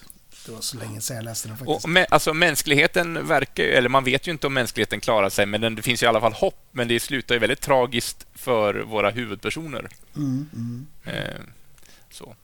Eh, ja, men sen tog jag en liten bubblalista, jag kan eh, riva av den också, eh, om pissiga slut som förstörde eh, filmupplevelser. Åh, det är gott. Eh, och eh, från, från The Mist till en annan Stephen King-film, Langoljärerna. Ja, men, men den är ju dålig helt och hållet. Nej, jag, alltså, jag tycker att filmen är väldigt... Eh, jag tyckte om den. Eh, kanske inte de vassaste skådespelarprestationerna eh, någonsin. Men Vad jag heter tyckte... han eh, som spelar businessman? Han scaring the little girl! Vad Ja, heter just han? det. Ska, det måste jag kolla upp. Ja, ingen aning. Eh, Den är regisserad av en kille som heter Tom Holland, som har gjort Fright Night, som också är en suveränt härlig film. Men jag gillar ändå Langoljärerna för att den... Men på slutet, när bara- allting bara raseras för att det kommer köttätande ping Pacmans liksom och äter upp tid och rum och... Det Eh, är och en annan... fantastisk... Eh, vissa delar i boken är ju helt underbara. Hur, Ja, men det kan jag tänka mig. det är eh, mycket bra. Jag kanske ska ta mig i nackskinnet och faktiskt läsa den boken. Jag är så dålig på bokläsning. Bronson Pinchot heter han. Eh, ja. Han är med i Snuten i Hollywood också. Just det, Serge! Eller vad heter han där? Ja. Där är han ju bra i alla fall. Eh, en annan Stephen King-film. eh, Och nu ska vi inte prata om tv-serien som precis har eh, setts av många, utan vi ska prata om originalminiserien Pestens tid. Tyckte jag var en fantastisk film i sex timmar. Otroligt härlig. Och sen total havererar den på slutet, tycker jag. Sista halvtimmen var bara, vad i helvete är det som händer? Och sen då en film eh, som tredje här som vi då kanske inte ska prata så högt om eh, eftersom den inte finns enligt eh, en av oss poddmedlemmar. Men jag pratar om Mannen med piskan. Fjärde filmen tycker jag är helt... Jag tycker den är väldigt underhållande till en bra bit in i filmen, men slutet är ju så fruktansvärt krystat och dåligt så att det är... Tyvärr är Den det är, rätt så, på mina den är rätt så näthinnor. trivsam eh, till och med att de börjar springa med aporna där i skogen. Då, det, Ja, ja, men det är någonting där. Ja. Ja, men alltså, för jag tycker att den håller måttet, åtminstone halva filmen och lite Mm. mitt över det, men sen... Och sen bara... Vi säger, det är alltså Indiana Jones 4 vi pratar om, ifall det är någon som eh, inte Ja, hänger med. Kristallskallens eh, rike. Jag har inte hört vad ni har sagt. Det som den håller är ju att, att det är Indiana, alltså Harrison Ford Ja. går ju inte att inte tycka om i rollen som Nej. Indiana Jones. Men han, har- han har ju också mot, eh, mot sig en skådis som man får tycka vad man vill om, men Shia LaBeouf. Ja, ja. Jag tycker inte... Tycker man hänger ut honom alldeles för ja, mycket jag tycker faktiskt. också. Eh, Där i den filmen, han har vad han har att jobba med liksom. Eh, Ja. Men, men, Ja, men. kanske det. Ja. Kanske det. Men eh, jag tänkte, är det någon annan som vill flika in med lite, eh, lite filmslut innan jag tar de tre som jag faktiskt vill Jo. prata om? Jag, jag har ett par som jag är lite quickfire. Eh, först och främst, alltså Cats. För att eh, den tar slut. Så det är, det är ett väldigt bra, väldigt bra slut faktiskt. Det är liksom, när det kommer så är man bara liksom wow. Tack det här var det jag väntade på. ja, äntligen. Eh, det är också att eh, Dame Judi Dench pratar in i kameran i typ 20 minuter och sån här i en monolog. Men skit i det. Eh, eh, filmslut som inte matchar boken. Ja. Eh, och Den oändliga historien. Ah, Det är ju fantastiskt på tal om filmslut i stort. Alltså filmen Den oändliga historien slutar ju med att, eh, att eh, liksom, ja men de räddade Fantasia och nu är det klart och det är gött. Eh, det är ju alltså mitten av boken. Ja. Eh, det som sker efteråt är ju att Bastian då får eh, liksom, eh, han får någon slags i uppdrag att bygga upp Fantasia igen genom att önska sig. Och för varje grej han önskar sig desto mer glömmer han bort av sitt liv och blir mer och mer av en galen despot och tar till slut över hela Fantasia som är liksom en, en, en, en, en sinnessjuk, ond kung som Atreo sen måste besegra helt enkelt. Mm. Eh, Det är ett jättehäftigt slut. Det är, det är som en impro som går snett liksom. Ja. När någon tar över för mycket. Så, så eh, Mi, eh, Mikael Ende som skrev den, han var ju rätt så besviken på den oändliga historien eftersom så här, ja, jaha vad kul, ni berättade halva min historia. liksom. Ja, just det. Men, eh, Men han som regisserar Oändliga historien, han är, är det Wolfgang... Nej, vad heter han? Är det det? Peterson, ja. Han, Peterson. ja, han eh, har jag, jag har hört, jag vet inte om det är sant, att han vill ju egentligen inte stå med efter texterna för att han var så himla besviken på vad han hade lyckats åstadkomma. Oj. I något rykte. Jag vet inte om det är sant. Jag har förstått det som att Ende efter den filmen eh, sa nu får ni inte använda mina böcker mer och det är därför eh, uppföljarna eh, inte har så mycket med, med boken att göra. Eh, Just det. Så kan det vara. det är så. Men, men, eh, men, men eh, så, ja, Moe. Ja, jag, jag tänkte vi kunde ju rekommendera, det finns ju en podd eh, där de pratar om eh, oändliga historien. Eh, med, med din eh, bekanta där va, Med, Jönsson? med Henrik Möller, ja, Udda Ting, som är en, en väldigt bra podd som jag varmt kan rekommendera. Eh, Han pratar om eh, det- det- sällsamma historier och dess kreatörer. Han har även ett specialavsnitt där han pratar med regissören till Färg bortom tid och rum, Color Out of Space med Nicolas Cage. Väl värt att Just lyssna på. Det. Ja, kul. Mm. Det, det var Eh. bara det jag ville säga va? Jag kan ju också säga apropå deppiga slut. eh, Jag älskar ju slutet på The Thing. Alltså Carpenters The Thing som vi pratade om. eh, Som jag pratade om tidigare. Eh, Den, där har du liksom en historia om den här, det här monstret och vi har huvudpersonerna som försökt besegra det. Och det slutar med att eh, de kanske lyckas. Eh, Men de vet inte säkert och de får liksom offra sig själva. Och vi vet inte. Är en av de två som är kvar, Childs och, och McCready, är en av dem tingesten? Eller är de inte? Vi vet inte. Mm. Och det finns inget hopp om räddning. Och det bara slutar med det här hjärtslaget, den här musiken som eh, Carpenter eh, skrivit i filmen som bara går dum dum. Dum dum. Mm. Och det, det är deppigt, men det är ett bra slut alltså. Mm. Eh, Suveränt, vill jag ändå påstå. ja, visst. Har, har vi några eh, lyssnarbrev, eh, Joneskär? Vi har massor, men Jens, hade du något slut först som du ville ta kanske? Eh, ja, men ska, ska jag ta det och sen avslutar vi med lyssnarbrev? Eller? Ja. Men hade du något mer slut, Moa? Eller du, du drog av det största krutet eh, Ja, jag har också fler slut. Ja, jag har mer slut. Det skulle, det skulle varit ett avsnitt där. Ja. Ja, men ska jag, jag, jag tänkte inte prata så överdrivet eh, mycket om eh, mina slut, men eh, jag har valt tre filmslut som definitivt inte är häpnadsväckande på något vis med någon twist. Snarare är det filmer med så uppenbara slut att man nästan kan räkna ut dem innan filmen ens har börjat. Men de spelar rätt för mig. De spelar på precis rätt strängar. Så att, eh, och med hjälp av naturligtvis massa stråkmusik på slutet så eh, droppar det tårar Mm. av lycka, ska också tilläggas. För att det är fanta- tre fina, fantastiska slut. Den första filmen jag tänkte nämna kommer från 1998, regisserad av Tom Shadyac. Han har bland annat gjort Galopperande detektiven, Galna professorn och Liar Liar. Men det här är en film som inte fick så himla mycket uppmärksamhet. Eh, och den heter Patch Adams. Någon av er som har sett den? Jag är faktiskt Ja. inte. Lite- Nej? Han är han är clownen. Precis. Eh, Det är baserat på en riktig eh, händelse, dock kryddat med lite Hollywoodism, som är ett nytt ord nu som vi kommer att eh, lansera. Rätt mycket. Han som den är baserad på hatar ju filmen. Ja. Uh, och det, ja, det är mycket, mycket grejer som inte alls stämmer förutom själva grundkonceptet att han bestred liksom medicinsk... Men det handlar alltså... Robin Williams spelar då Hunter Patch Adams. En man som i början av filmen skriver in sig på ett mentalsjukhus för att han har självmordstankar. Och där i ett möte med en annan mentalpatient så hjälper han den här patienten att komma över sina, eller några av sina fobier. Vilket får Patch då att tänka tanken, ja, men det är det här jag vill göra med mitt liv, jag vill hjälpa människor. Så han söker in till med, medicinskola eller doktorsutbildning, läkarutbildning.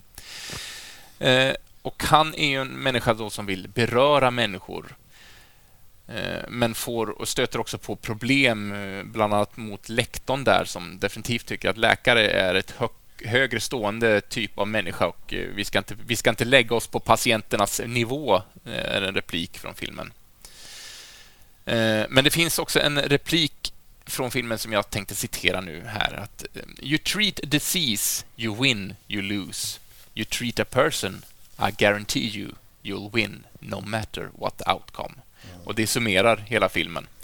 Och han ställs ju till, eh, om jag får kalla det rättegång, men ingen sån juridisk rättegång, men mer en rättegång om att ska han få fortsätta sina studier? Mm. Eh, och den rättegången på slutet, eh, ja, ni kan väl räkna ut, räkna ut hur, hur det slutar. Men eh, ni som ser mig här i kameran, det bara, bara jag pratar om det så reser sig mina armhår igen. För att det, och tå, varje gång jag ser den så hulkar jag mer och mer, för jag är så beredd på vad som komma skall. Ja. Och det träffar så jäkla rätt hos mig. Mm. Och är jag en stor fan av Robbie Williams också. Mm, mm, mm. Vilket är kanske ingen överraskning för att i nästa film, gissa vem som har huvudrollen där? Robbie 1990... Williams. Precis, Moe. Robbie Williams? Nej, Rob, nej Robin, Robin Williams. Eh, den här filmen kom 1991. Den är regisserad av Steven Spielberg.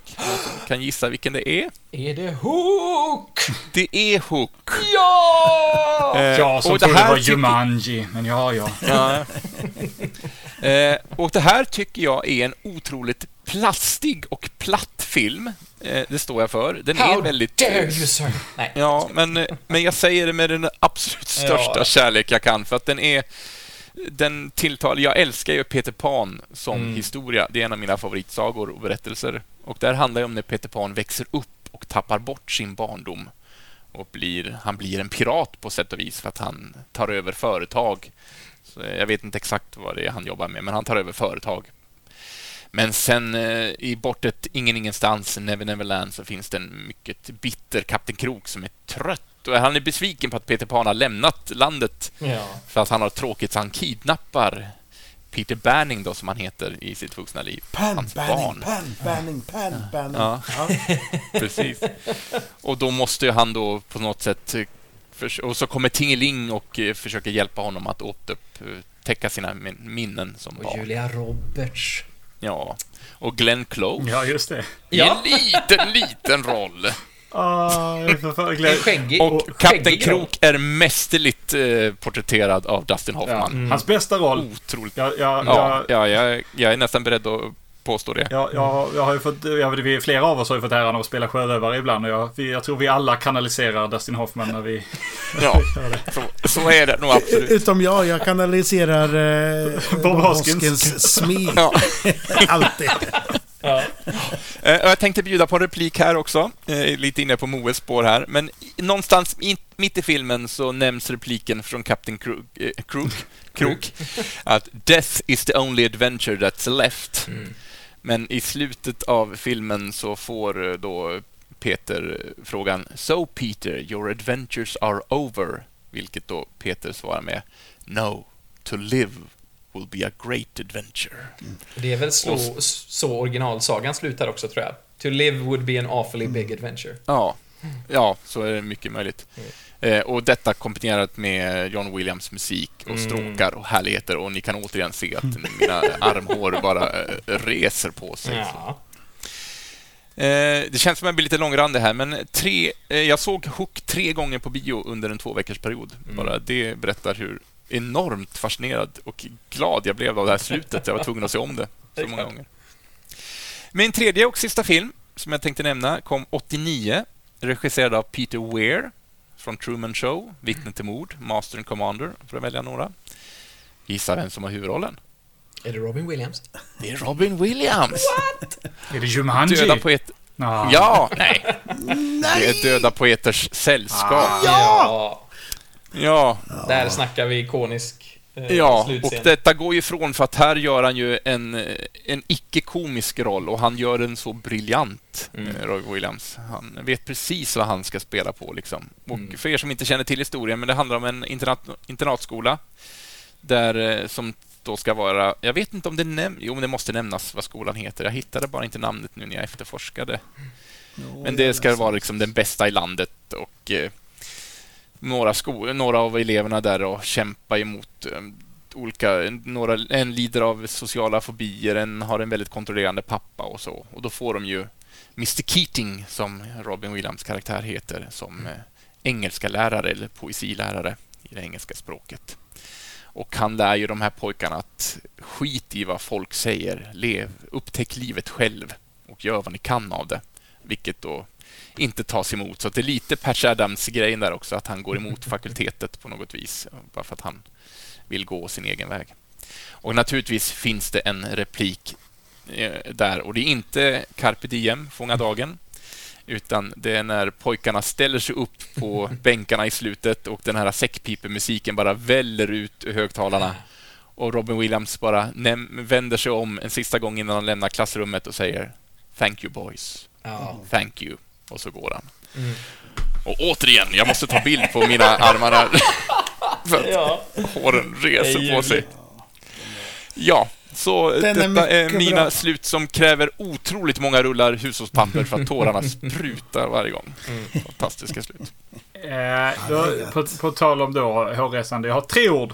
Och ni vet precis Mm. vad jag menar med, menar med de tre orden. Men on your left. Mm. Det, det, det, Avengers eh, Infinity War, Avengers Endgame. eh, det, det, det är lågt hängande frukt. Men, men så här är det va. Det är kulmen av tio års filmskapande. Jag satt i en biosalong eh, och grät och hulkade. Jag Mm. kunde inte andas. Jag hulkade ur kan man säga. Eh, som ett litet skämt. Med, med eh, vi, vi var ett gäng eh, kollegor, känner inte varandra superbra. Definitivt aldrig gråtit inför dem förut. Men vi satt där allesammans och grät. Sen såg jag filmen med, med er. Jag kunde inte låta, låta bli att gråta även då. Den, denna, denna ultimata kulmen av massor av berättelser som berättas på Mm. detta fantastiska sätt. Eh, för er som inte har sett Endgame, vad fan gör ni här? Gå och se Endgame. Eh, men, men det slutar helt enkelt med att alla good guys du kan tänka dig kommer tillbaka och ställer sig bakom Kapten Amerika i en sista fight mot Thanos. Och jag kan se om den hur många gånger som helst. Jag älskar den varje Det gång. snyggt. Det är så Det är bra. snyggt. Det är så fruktansvärt bra. Och filmen är liksom underbar. Efter det där kommer en, eh, där kommer eh, en, en, en, en call, sista callback-replik. Där hela sekvensen är fylld med callback-repliker. Och där kommer en sista, sen kommer där en begravning och sen liksom så kommer eh, slut på slut på slut. Eh, en annan film som har som minnesvärda slut, eh, Konungens återkomst, men det är för att den aldrig tar slut. Men slut på slut på slut. Och sen liksom eh, roll call, alla huvudpersonernas namnteckningar i sann Star Trek 6-anda. Jag, jag, jag, jag, jag, Är jag, det där det kommer ifrån? För Ja. jag har aldrig fattat eh, anledningen till det här. Jag Jo. tycker det är lite konstigt om jag ska vara ärlig. att, av, Jag kan säga att de gör det i Konungens återkomst också. att avsluta en fas. Mm. Det är, du avslutar en, en berättande fas. Star Trek 6 är Mm. den sista Star Trek-filmen med originalcasten. Eh, endast originalcasten. Och det här är ju slutet på fas då 1, 2 och 3 av, av eh, The MCU. Eh, fa- Mm. Fantastiskt. Fantastiskt. Jag kan, i- ja, jag kan inte göra annat än att hålla med dig. När jag har känt mig så lite, ja, men jag är lite deppig idag, då, går, då ser jag sista timmen av Ja. eh, Mm. Endgame. Ja, jag blir på så jäkla bra humör. Men där vill jag, eh, eftersom du ändå nämnde eh, titeln nu, så jag har skrivit upp den på min lista. Och det är Sagan om Konungens återkomst. Jag har en, en till film som också, för jag vet att Konungens återkomst får en del kritik och har fått en del kritik för att det är så många slut. Ja, men det är ju Eh, också en så massiv berättelse. Exakt. Det är också kulmen av, eh, inte lika många år som Marvel, men det är ändå liksom den här episka historien och jag älskar det. Alltså, ge mig alla 37 slut, de är underbara. Nej men alltså, framförallt den absolut sista sekvensen. Eh, Och då menar jag inte när Frodo, ja, spoilers, eh, seglar över till de odöda landen. Eh, Utan det är när Samwise kommer hem till Fylke igen efter att ha tagit farväl av Frodo. Eh, och säger till sin fru och sina barn Well, I'm back. Går in i sin hobbithåla, stänger dörren och där är filmen slut. Det är så magiskt vackert, eh, tycker jag, för att där blir det också så tydligt för mig att det är inte bara en historia om att ja, men, monster som man måste bekämpa och det är inte ens bara en historia om den här ringen som de måste förstöra för att rädda världen utan det är en historia om eh, vad man kämpar för och det tycker jag är så fint. Eh, och även om Frodo eh, när han kommer hem har varit med om hemskheter som gör att han tvingas åka därifrån för att allting är liksom lite förstört för honom på något sätt. För Sam är det inte det och jag tycker att det är så vackert. Ehm, Och precis eh, som i Endgame och då Star Trek 6 så avslutas det ju med en lång eh, roll call med tecknade porträtt av alla karaktärer. Till och med karaktärer som man inte får se i biofilmen. Eh, som Saruman som ju klipptes bort och Grima Wormtang. De får ändå vara med och, och ha ett eget porträtt. Och, ja, det är... åh. Och så magisk musik, underbart. Men, eh, för att återgå till Endgame, eh, bara säga en sista Mm. grej där. Det, det jag tycker är fint med, med det är ju att de två stora huvudrollerna som vi har eh, som vi har följt då i, de här första faserna. Det är ju Iron Man och Captain America och det är ju de Mm. som får varsina slut som är så värdiga. Mm, det, ja. det, det är liksom... Och ett är glatt och ett är sorgligt. Eller, eller Ja. är det det liksom? Mm. Ja, men det är gött. Det, är- det är just det här jag snackade om förut med att binda ihop säcken på något sätt. Mm. Att man får en tillfredsställelse av att se ett sånt slut. Mm. Ja, ja, men tänk. Han sa, han sa I am Iron Man och han menade Och, och där, eh, där kan vi ju då, vi kan, vi kan ju vända, vi kan ju vända på det därför att an- andra filmer som kom ungefär samtidigt som också skulle avsluta stora sagor. Eh, när The Rise of Skywalker skulle göra sin, sin stora avslut eh, på det viset. De, de försökte ju göra i mångt och mycket samma sak. Eh, men i mitt tycke lyckades inte. Även om där finns, finns coola saker i det slutet också. Exempelvis att det, All the Jedi talar till Ray exempelvis. Är, är, tycker jag är väldigt, väldigt fint. Att de fick in liksom A- Ashley Eckstein och eh, Hayden Christensen och, och, och, och ja, vad heter, ja, precis. Eh, eh, vad heter han? Sam Jackson. Ja, Sam Jackson, ja precis. Freddie Prinze Jr. Freddie Prinze Jr. liksom. Ja. Och så att de fick in det liksom. Och det, det är ju väldigt fint. Men den, den, den lyckas inte riktigt på samma sätt eh, eh, eh, bocka av, för att använda poddens namn, eh, eh, liksom Nej. referenserna som den går tillbaka till. Eh, den, den, det känns lite tommare och där, du har ju en endgame-sekvens där, där det kommer en massa rymdskepp till undsättning. Och det är ju väldigt, väldigt coolt. Men ett, de visade det i trailern och två, där är inte mer. Vi får se Wedge i tre sekunder, men vi får inte se något mer. Va- Varför, varför inte klippa till och visa...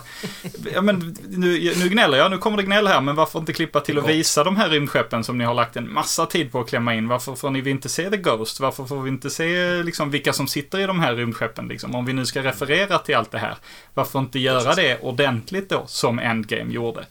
Eh, för det är lustigt med det är att Star Wars har nämligen lyckats med det och lagt, eh, lagt eh, eh, liksom, heter det, grund, grunden för det som Endgame skulle bygga på, nämligen i Rogue One. Där gjorde de samma sak genom att eh, göra ett stort epic slag och sen så sakta men säkert visa upp Gold Leader och, och Red Leader och så Exakt. vidare. Så de vet ju bevisligen hur man gör, men de lyckades, i mitt tycke, inte i Rise of Skywalker. Den har andra goda kvaliteter, men eh, inte slutet Eh, på- det sättet. Jag vet att det är många som älskar den, så jag ska inte dissa det för mycket. Men, men jag, jag tycker att en, den misslyckades där Endgame och Return of the King och så vidare lyckades. Mm. Men, och där kommer man ju lite tillbaka till, eh, till Streetnickes fråga och som vi började med att prata om det här med att det är ju också något oerhört eh, subjektivt det här med vad är ett bra slut? Det, det kan man ju inte säga definitivt utan och jag kan inte ens säga att det här är ett bra slut för mig. Jag kan säga det om vissa filmer, men jag kan inte säga att det här är ett bra slut. Det här är formen liksom, för att det är, det är så mycket som spelar in och det är så, så personligt liksom. Ehm, ja. Eh. Ja. jag, jag tänkte eh, ta ner det hela från det här bombastiska som vi har pratat Mm, ja, om nu. gör det. Eh, jag vet att det var någon som skrev och, och, och slog ett slag för eh, en av mina favoritfilmer, Eternal Sunshine of the Spotless Mind. Det var Lisa Monfeldt som Det skrev var, det. ja, det fantastisk bra film. film.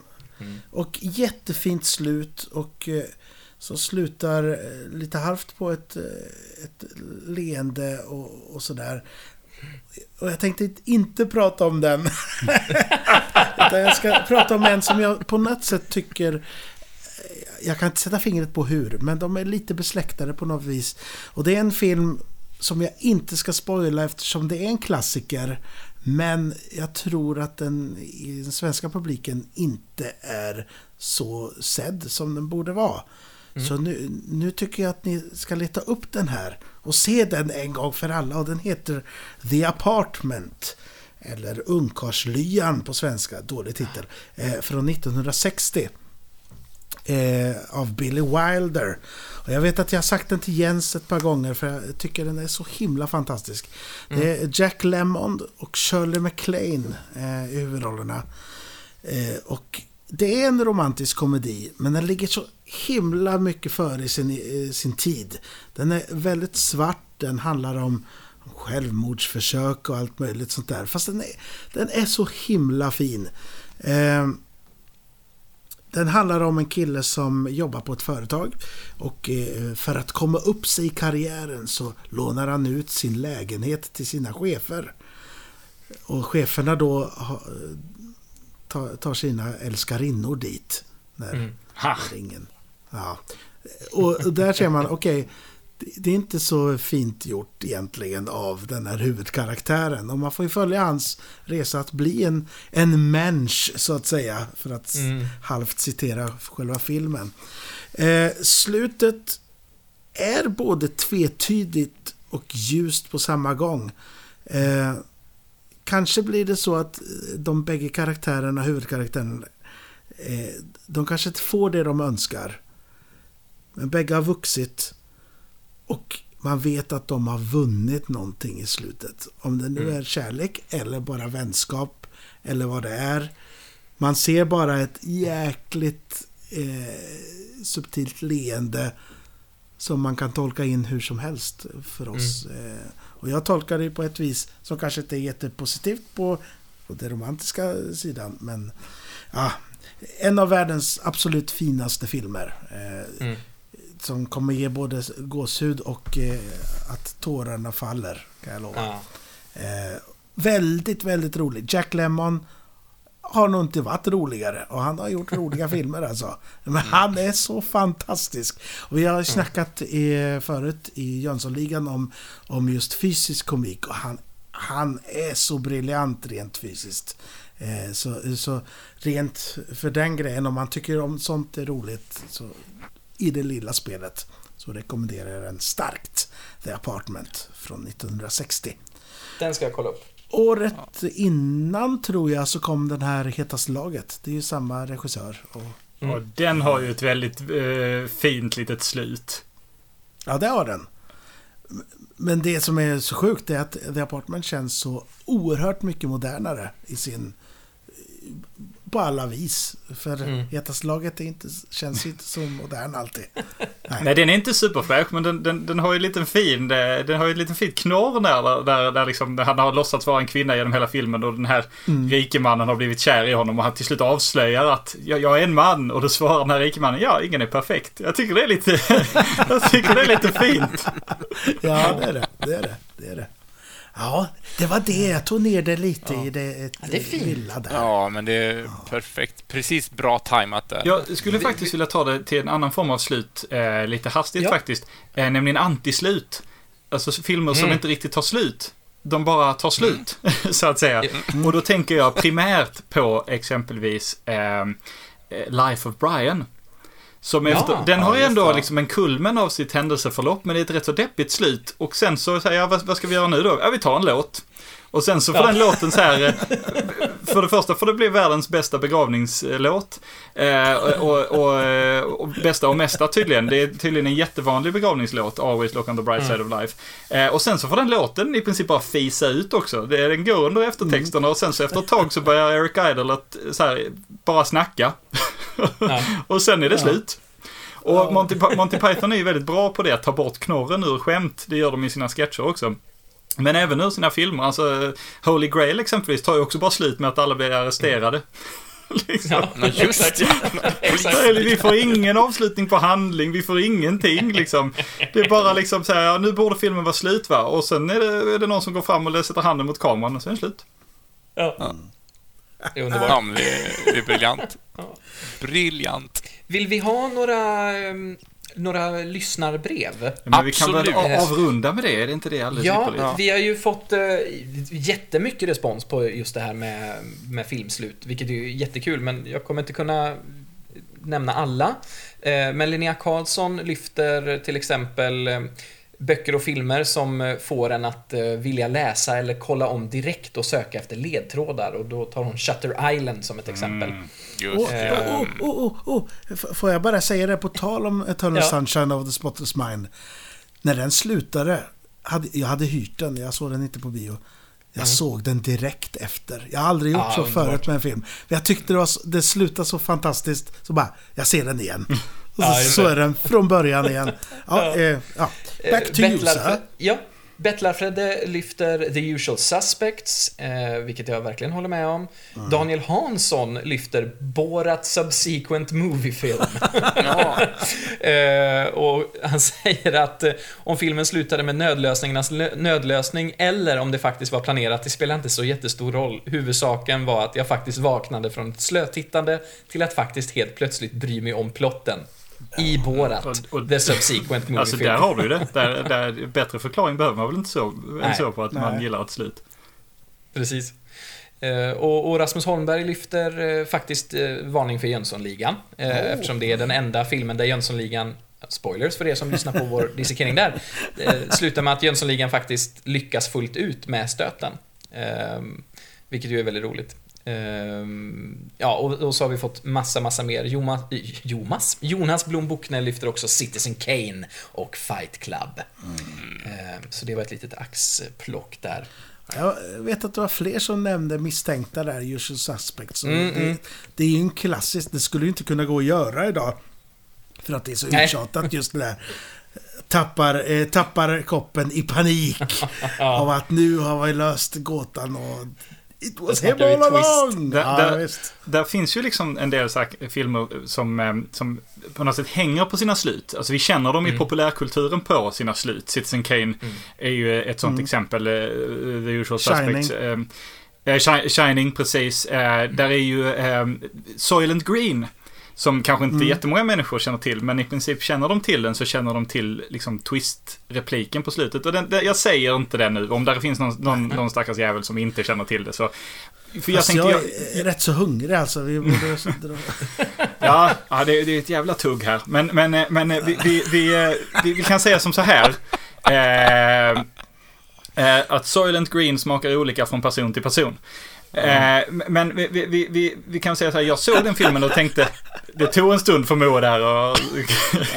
det var för, för, för dramaskämt som jag har snott. Eh, jag, jag tänkte att, ja, nu ser jag den här filmen, den kan inte vara mer än, än sin roliga slutreplik. Jag tror inte det. Men den är en så fruktansvärt bra film, Soylent Green. Gå in och se den. Charlton Heston, jag tror aldrig han har varit så bra som han är i den filmen. Alltså, att det, det, Han är oftast väldigt bra. Mm. Det, jo, men han är det. man tror att han är. Man tänker att, han, att han bara är en, liksom en eh, parodi på sig själv, You damn dirty ape och så vidare. Men han är väldigt, väldigt bra. Och i synnerhet i Soylent Green. Och jag vill bara avsluta för min del med att eh, lyfta ett sista slut som jag tycker är perfekt, som jag vet att många stör sig jättemycket på. Och det är Inception. Eh, Jag tycker det är briljant. Jag tycker det är fantastiskt. Eh, Samma här, och samma här. mer än så säger jag inte.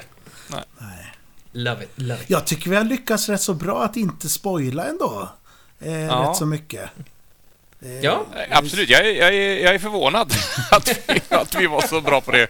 Men vi har dukat upp och höjt förväntningarna på många filmer, tror jag, Ja. som eh, kanske en del inte har hunnit se, även om de inte är pinfärska. precis. Men då, eh, då kommer vi väl fram till det här avsnittets slut. Om eh, Kommer- inte någon sitter och tänker på att det här vill jag också säga. Moe verkar... Jag undrar om det kommer vara en twist-ending här på något sätt. Ja. Eller hur gör skulle vi- det kunna gå till? Eller gör vi en Eller så blir det bara ett happy ending där mina armhår reser på sig. Ja, exakt. exakt. Ja. Nej, men jag kan säga så här att vi kommer naturligtvis tillbaks om två söndagar. Men glöm inte att torsdagar är också en, en veckodag att lägga på minne. Varje torsdag så släpper vi vår dissekering av Jönssonligan. Så där får Precis. man jättefölja oss från scen till scen. Men podden kommer att dröja två veckor tills vi syns igen och då ska vi prata om två nya ämnen. Eh, och dels ska vi ta och titta lite närmare på en karriär eh, hos en skådespelerska som jag tycker har åstadkommit en hel del fantastiska rollprestationer. Och det är Nicole Kidman. Mm. Eh, många kanske anser att hon bara är ett vackert ansikte i en snyggt packad kropp. Nej, nej, nej. Men nej, nej, nej. eh, jag- jag skulle vilja påstå att hon är otroligt mycket mer. Mycket briljant Ja. och mångsidig skådespelare. Definitivt. Och sen så ska vi in på ett område som vi kanske inte har eh, som vi inte har beträtt innan och det är att vi ska prata tv-spel. Ja. Vi ska prata om Metroid, spelserien Metroid. Som eh, vi försade ju att vi skulle försöka komma ifrån science fiction-temat lite grann och det gör vi ju uppenbarligen Det inte. går inte. Eh, Just det, det Jag sa vi uttryckligen ja. ja. Eh, Och det upptäckte jag nu när jag presenterade Metroid att det här är ju science fiction också. Ska vi inte ta något som inte... Vi tar Metroid. Ja, ja, ja. Ja, ja det gör vi. Och det är Men det som är säger- twisten alltså. Ja, precis. Men jag vill också nämna till alla er där ute att det är naturligtvis fullt eh, möjligt att påverka vad vi ska prata om. Vi vill väldigt gärna ha era små eh, intresseanmälningar på. Det kan vara stort och det kan vara smått. Eh, se inte begränsning i någonting utan se bara möjligheter. Så, och vi älskar utmaningar att kanske få gräva ner oss i någonting Mm. som vi inte är så bekanta med och få vidga våra vyer. Verkligen. Så med detta sagt så hoppas att vi syns och hörs en annan gång och tack så mycket till eh, Moe, Niklas och Henrik för att ni eh, är med på detta. Och tack Jens! Tack Jens. Ja, Tack ska du ha. ja, det är fantastiskt att sitta och tjata med er. Det kommer jag tycka i många årtionden framåt. Oj, oj, oj. er. Men eh, i så fall så säger vi väl tack och bock och hoppas att vi syns igen, eller hörs snarare, om två veckor. Det gör vi. Hej då! Hej då! Tjena!